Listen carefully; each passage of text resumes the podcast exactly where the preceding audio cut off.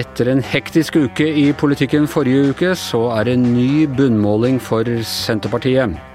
Og VGs graveprosjekt om Tinder-svindleren er blitt Netflix-suksess. Dette er Gjever og gjengen. Det er mandag den 7.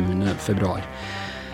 Ja, Tone Sofie, vi sitter her og skal forberede og snakke om problemene for Senterpartiet og regjeringen. og vi kommer på bare nye ting hele tida. Vi får, får en liste så lang som armen her over, over årsaker til at uh, særlig Senterpartiet nå egentlig gjorde det dårlig på den der målingen for Nasjonen og Klassekampen i helgen. Ja, du kutta meg av. Stopp, stopp, stopp. Nå holder det, sa jeg. Nå holder det. Nei, jeg gjorde jo ikke det. det vi har jo Men jeg, jeg, sa det var nok med seks saker. Hva, hva, men bare for å velge på øverste hylle, hva er den største problemet for Senterpartiet?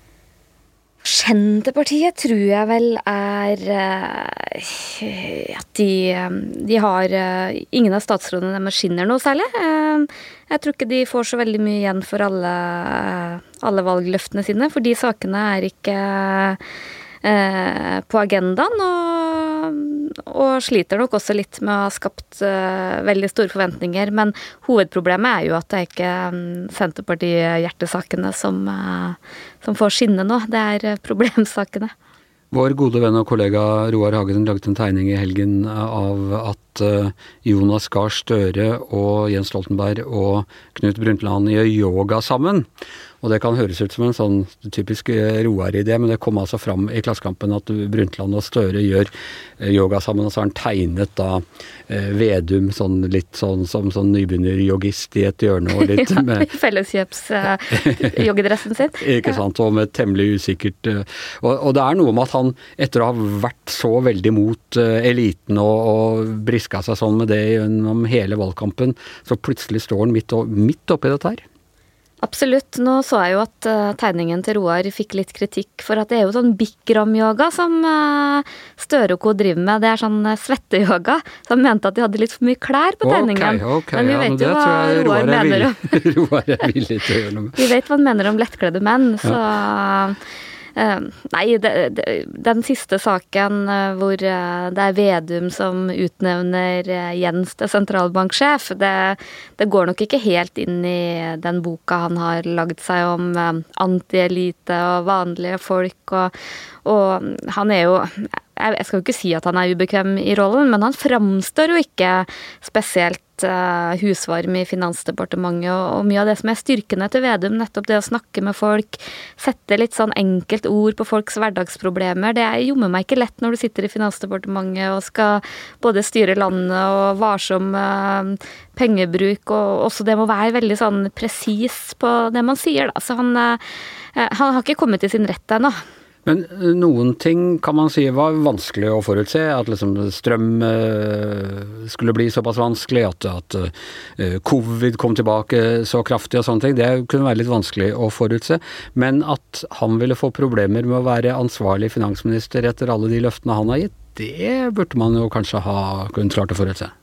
Absolutt, og det er jo det alle sammen egentlig har venta på. og Eh, man tror jo heller ikke at det var hans eh, førstevalg å sitte i Finansdepartementet, at det var et eh, krav fra Arbeiderpartiet å få partilederen og sin juniorpartner inn.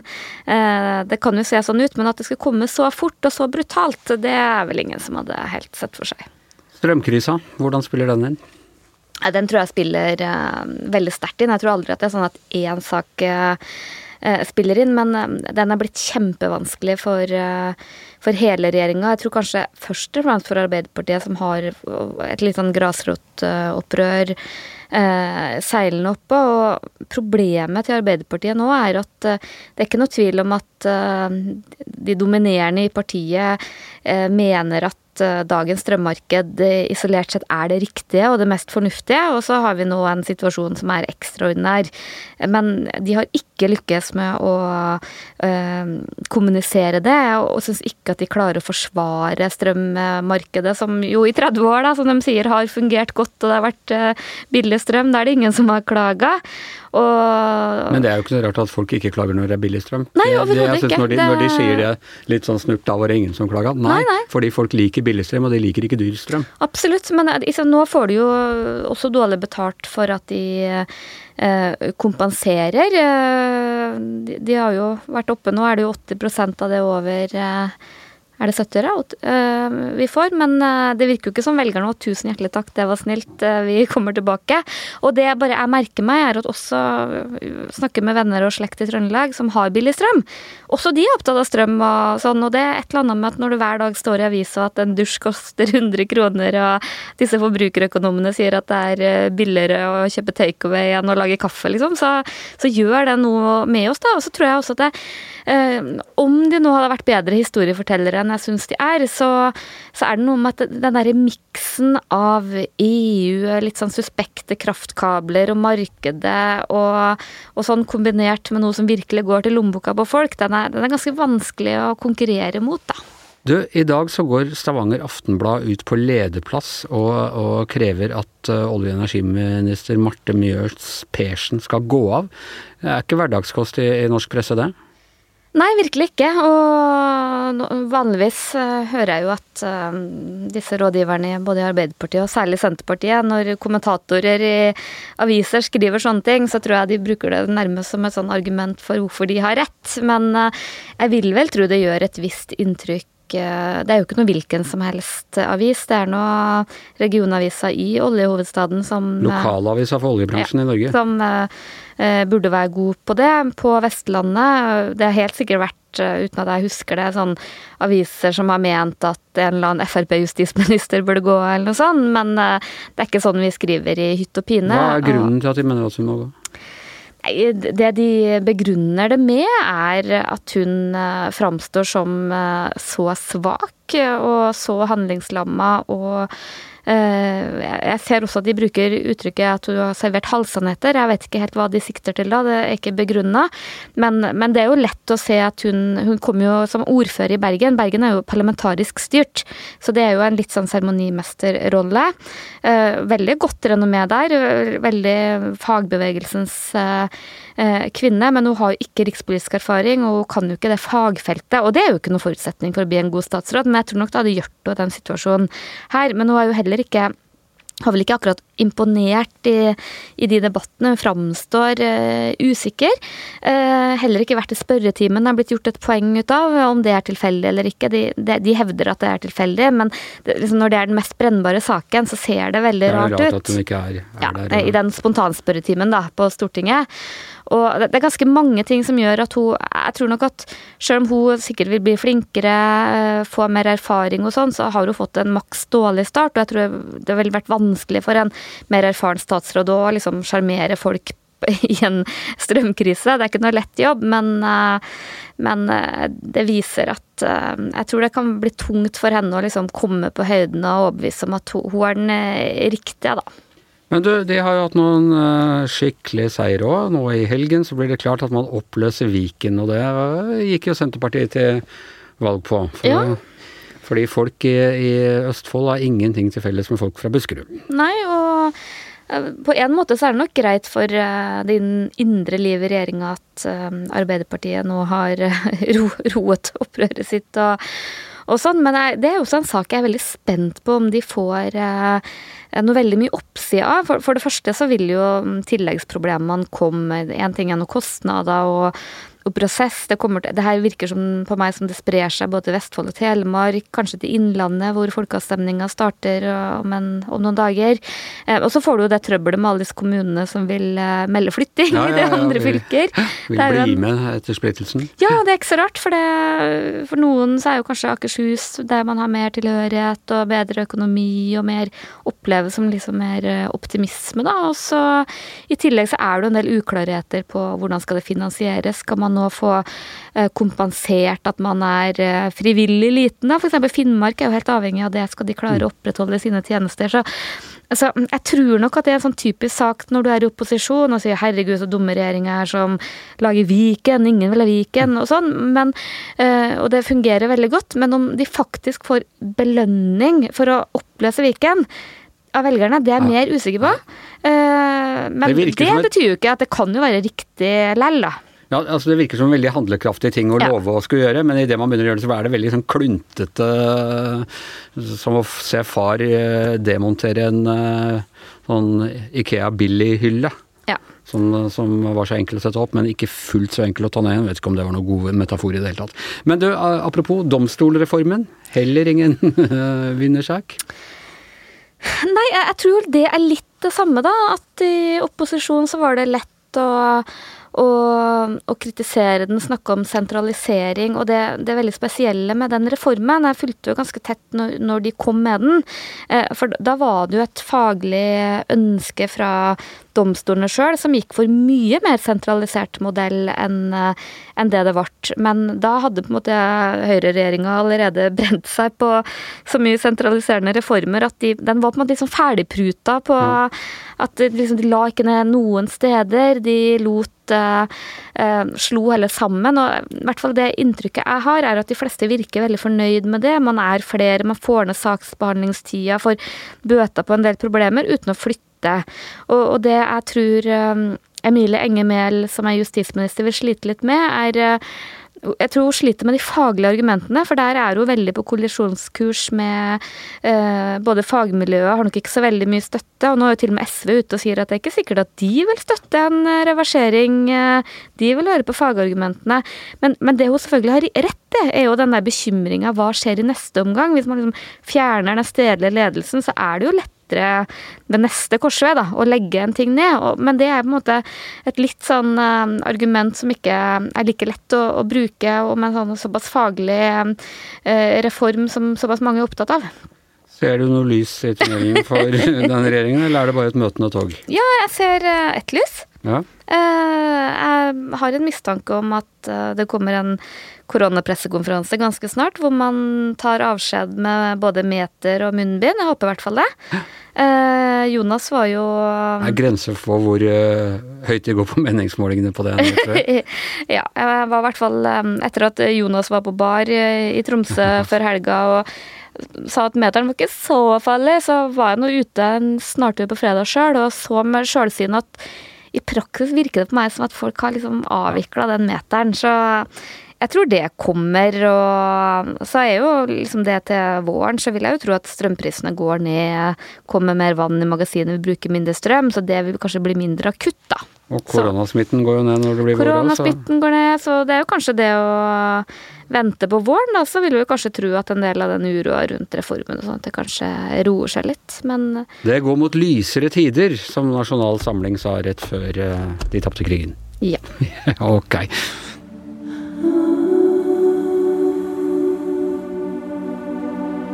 I think everyone would love to just meet someone in a bar or in a grocery store. But nowadays, the best way you can meet someone is on a dating app. Yeah, you can find a bit of everything on Tinder. Og det vi hørte der, det var intro på Netflix-filmen Tindersvindleren, Tinder-svindleren, som altså er bygget på et eh, graveprosjekt her i VG. Ja, det stemmer. Det er jo en eh, helt eh, vill opplevelse. At Ja, hvordan er det å eh, sitte og liksom se dette på Netflix strømme? Det er helt eh, For det første er det helt rart å se seg selv, men eh, det som er veldig stas, er at denne historien får en stor plattform. For utgangspunktet for denne historien er jo at eh, kvinner som har blitt lurt, ønsker å gi svindleren eh, et ansikt, og at folk skal få se at dette har skjedd, for å advare andre. Og det klarer de definitivt når historien får en plattform som Netflix, da. Og dette er altså det var en, en sånn virkelighetsdekkare, eh, rett og slett. Og hvor, hvor lenge er det siden? Er To eller tre år siden eh, dere hadde den? Vi publiserte den saken her i 2019 og jobba med den eh, gjennom eh, 2018. Alle historier starter jo et sted, og den her starta med et tips fra Cecilie Fjellhaug som eh, forteller til VG at eh, hun har eh, blitt lurt av en mann hun trodde var kjæresten sin. Han, eh, altså I denne mailen så inneholder den ord som eh, diamantmilliardær, privatfly eh, og millioner. Og det er selvfølgelig et dødsspennende tips, og vi har spurt henne om hun kan dokumentere det hun skriver, og det kunne hun. Og det er utgangspunktet for eh, den saken som, eh, som het Tinder-svindleren. Og så vet man jo når man jobber i VG at eh, det kommer mange tips eh, til redaksjonen. Eh, Ikke alle inneholder så mye krutt, men ikke alle får vi fulgt ordentlig opp. Opp heller. Hva var det som gjorde at akkurat denne her ble fulgt opp på en så ordentlig måte? Nei, Det er flere ting. Det første er dokumentasjonen Cecilie Lave, som var vanntett. Det andre er rett og slett at tipset ganske kjapt fra nyhetsdesken kom til Erlend Ofte Arntzen, som er gravejournalist, og som hadde kapasitet til å begynne å se på saken. Så, og som nå er USA-korrespondent for, for, VG. Stemmer. Ja. Uh, og, og, så var det altså et helt team uh, som jobba med dette etter hvert.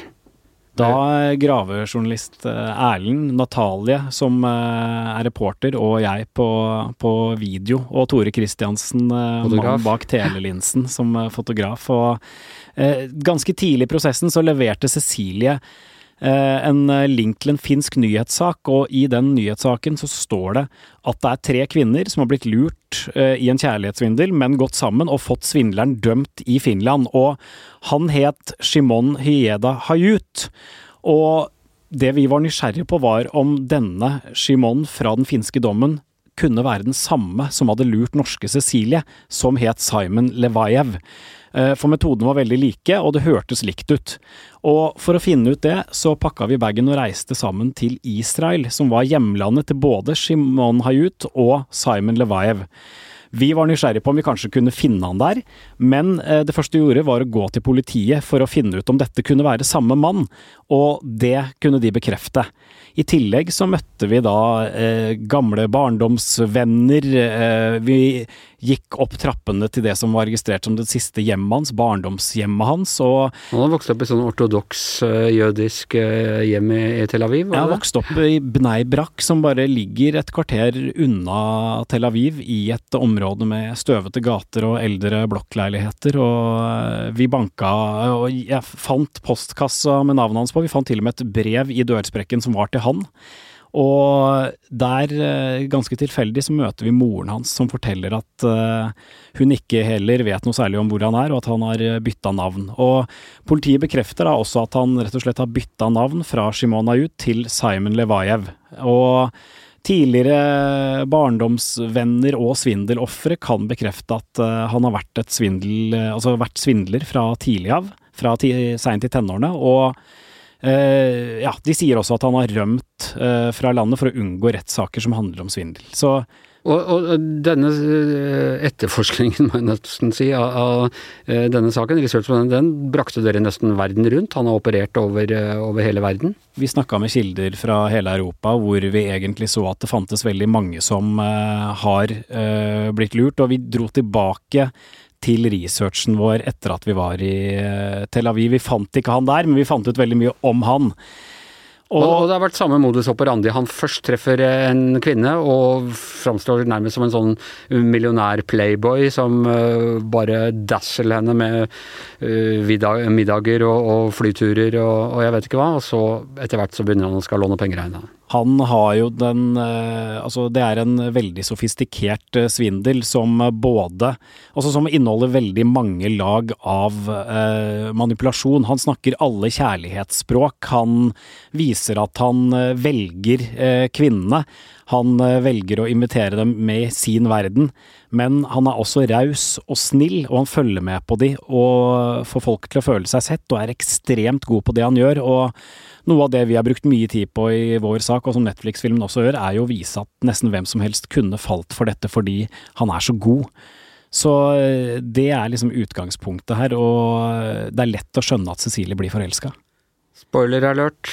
Uh, sitter han inne nå? Simon Levajev eh, ble etter eh, denne saken her, og etter saken vår i 2019, tatt på flyplassen i Aten med falskt pass, og da rykka vi også dit. Der ble han dømt til å reise tilbake til Israel og sone dommer for tidligere svindelsaker der. Der uh, var han i fengsel i fem måneder, men nå er han en fri mann, og han er heller ikke dømt for de svindlene vi har dekka i Europa. Hvordan Dere ga jo da fra dere uh, noe av uh, kontrollen over, over fortellingen når, når dette ble, gikk til TV. Hvordan syns du resultatet er blitt? Vi er veldig stolte av det, og det er både fordi at det er en skikkelig bra gjennomarbeida, grundig film. Den eh, viser eh, Vi var veldig opptatt av å vise hvordan eh, folk kan la seg lure ved at svindelen er grundig, og det gjør også denne filmen. Og den viser også hvordan vi jobber, og ikke minst, den er veldig spennende. Så vi er veldig fornøyd med resultatet. Og det er altså seerne òg, tydeligvis, i og med at det er så mange som, eh, som ser den. Tusen takk skal du ha, Kristoffer Kumar. Før vi slutter av, så må vi også trekke enda en uh, koppvinner fra forrige ukes quiz. Og da, da kan du få være tause, Birgit, i den uh, sammenheng, Tone Sofie. Ja, når det ikke var noen med makt og myndighet i studiet, så får jeg lov å trekke. Ja. Vi må ta med oss det vi får. Da skal vi se. Uh, da har du trykket på velgerknappen, så skal vi se. Uh, Aha! Vi har en vinner. Petter Waldo. Og han skriver at han har fått seks av syv, men alternativene på sportsspørsmålene er da feil. Eh, og det har han rett i. Det lå feil der ute i, eh, i begynnelsen i forrige uke. Vi fikk eh, retta det. Og det eneste vi da kan si til vårt forsvar, er at uansett hva, hvor mange riktige eller feil du har fått, så har du vært med i trekningen her. Og han har bedre peiling på sport enn meg uansett, for det ville ikke jeg ha skjønt, i hvert fall. Nei, men det skjønte Leif vel av ja. da, da, han testa det, så han ringte meg relativt fort. Men altså, alle har vært med i trekning uansett hva de har svart. Eh, Petter Waldov, kan du sende oss eh, adressen din, så skal du eh, få kopp. Og dermed så er Giæver og gjengen over for i dag. Tusen takk til Kristoffer Kumar, tusen takk til Tone Sofie Aglen. Jeg heter Anders Giæver, og mannen som stadig bare går høyere og høyere på meningsmålingene, er som alltid produsent Magne Antonsen. Du har hørt en podkast fra VG. Ansvarlig redaktør, Gard Steiro.